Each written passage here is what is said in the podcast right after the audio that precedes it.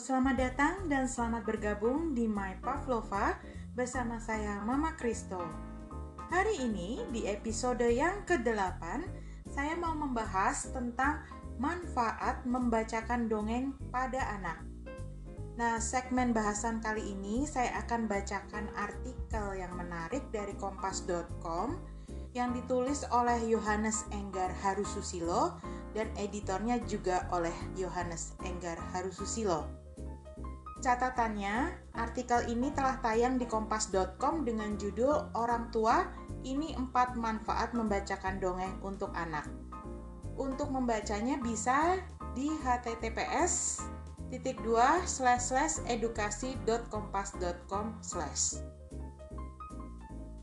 Kemampuan literasi baca siswa Indonesia dari hasil tes PISA yang terbaru menunjukkan hasil kurang menggembirakan. PISA itu apa ya? PISA sendiri adalah merupakan metode penilaian internasional yang menjadi indikator untuk mengukur kompetensi siswa Indonesia di tingkat global. Indonesia berada di peringkat 72 dari 77 Sejak tahun 2000, peringkat literasi baca siswa Indonesia hanya masuk 10 besar terbawah dari 70 lebih negara peserta. Salah satu penyebab rendahnya kemampuan baca ditengarai masih rendahnya minat baca siswa. Satu upaya yang dapat dilakukan guna menguatkan minat baca siswa atau anak di pendidikan dasar adalah lewat mendongeng. Di sini dikutip perkataan Mendikbud Nadim dalam sambutan Hari Dongeng Nasional. Makna mendongeng adalah agar adik-adik semua senang dan mencintai cerita, buku, dan dari cerita-cerita itu kita menciptakan imajinasi di dalam otak. Kemampuan dalam berpikir dan membayangkan hal-hal di otak adalah kunci kesuksesan di masa depan. Karenanya, Mendikbud Nadim mengajak orang tua meluangkan waktu mendongeng bagi anak-anaknya. Dikutip lagi dari perkataan Mendikbud Nadim, jadi mohon kepada orang tua untuk membacakan dongeng kepada anak-anaknya. Mohon dilakukan setiap malam kepada anak, tidak hanya ibunya, bahkan bapaknya pun juga harus ikut berpartisipasi. Sebenarnya, apa saja manfaat membaca dongeng? Dilansir dari bobo.id, berikut empat manfaat membaca dongeng.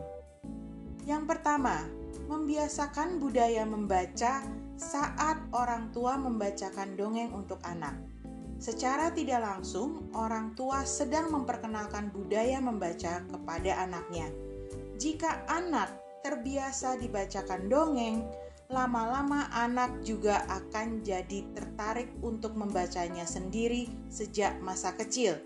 Budaya membaca inilah yang menjadi sangat penting bagi anak di masa akan datang.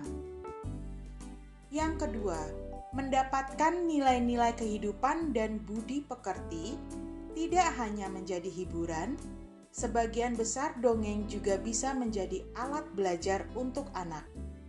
Cerita dongeng biasanya bertujuan baik dan diselipkan nilai-nilai kehidupan yang bisa anak pelajari dan teladani.